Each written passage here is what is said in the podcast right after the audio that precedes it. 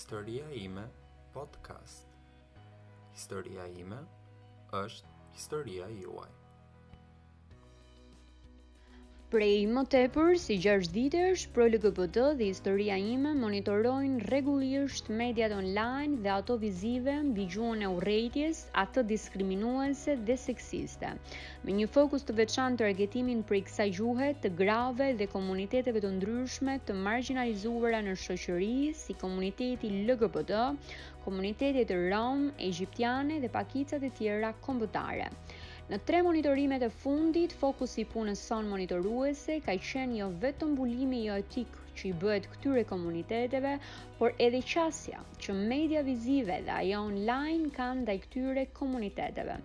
Shpesh herë për shkak të nevojës për klikime, lajmet apo ndodhitë që prekin komunitetet në fjalë sensacionalizohen që në titull, duke ndikuar negativisht në stereotipizimin e mëtejshëm të personave që vijnë nga këto komunitete.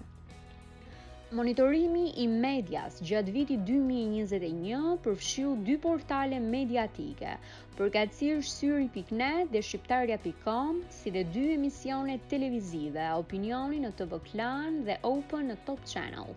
Periudha e monitorimit ka përfshirë muajt prill, maj dhe qershor, me një fokus të veçantë te zgjedhjet dhe ngjarjet e aktualitetit politik gjatë muajit prill, ku edhe këtë herë nuk munguan rastet flagrante të gjuhës seksiste dhe targetimit të papërshtatshëm të grave dhe individëve nga pakica gjatë fushatës.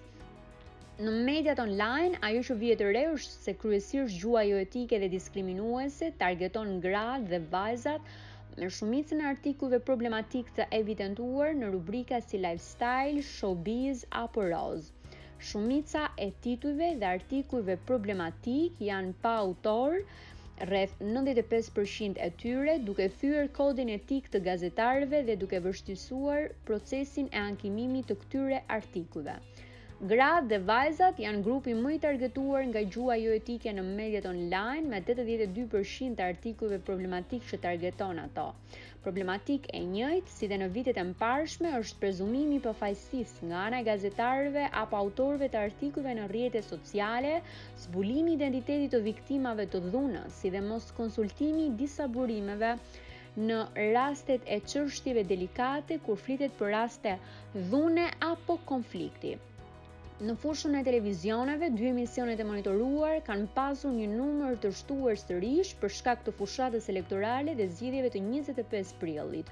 Njëjtë si dhe në vitin 2020, pjesa më e madhe e të ftuarve në emisionet televizive të monitoruar janë burra. Edhe kur në panel ka vetëm një grua të ftuar, shumicën e rasteve Fjala jepet të parit një të ftuari burrë dhe vetëm në pesëmbëdhjetë për qind të rasteve, emisioni nis me opinionin e një të ftuare grua.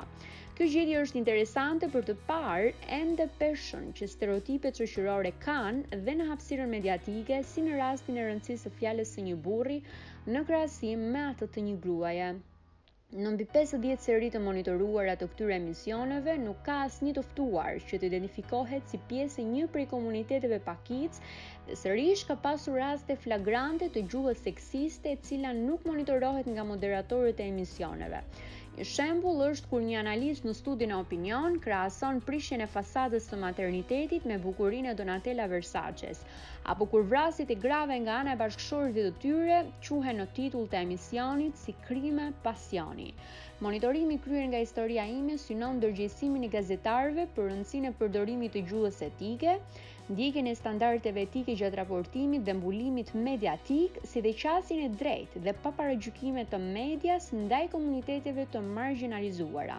Në javët në vijim do të publikohet dhe raporti i plotë i monitorimit me gjetjet kryesore dhe një analizë të tyre në portalin tonë Historia ime.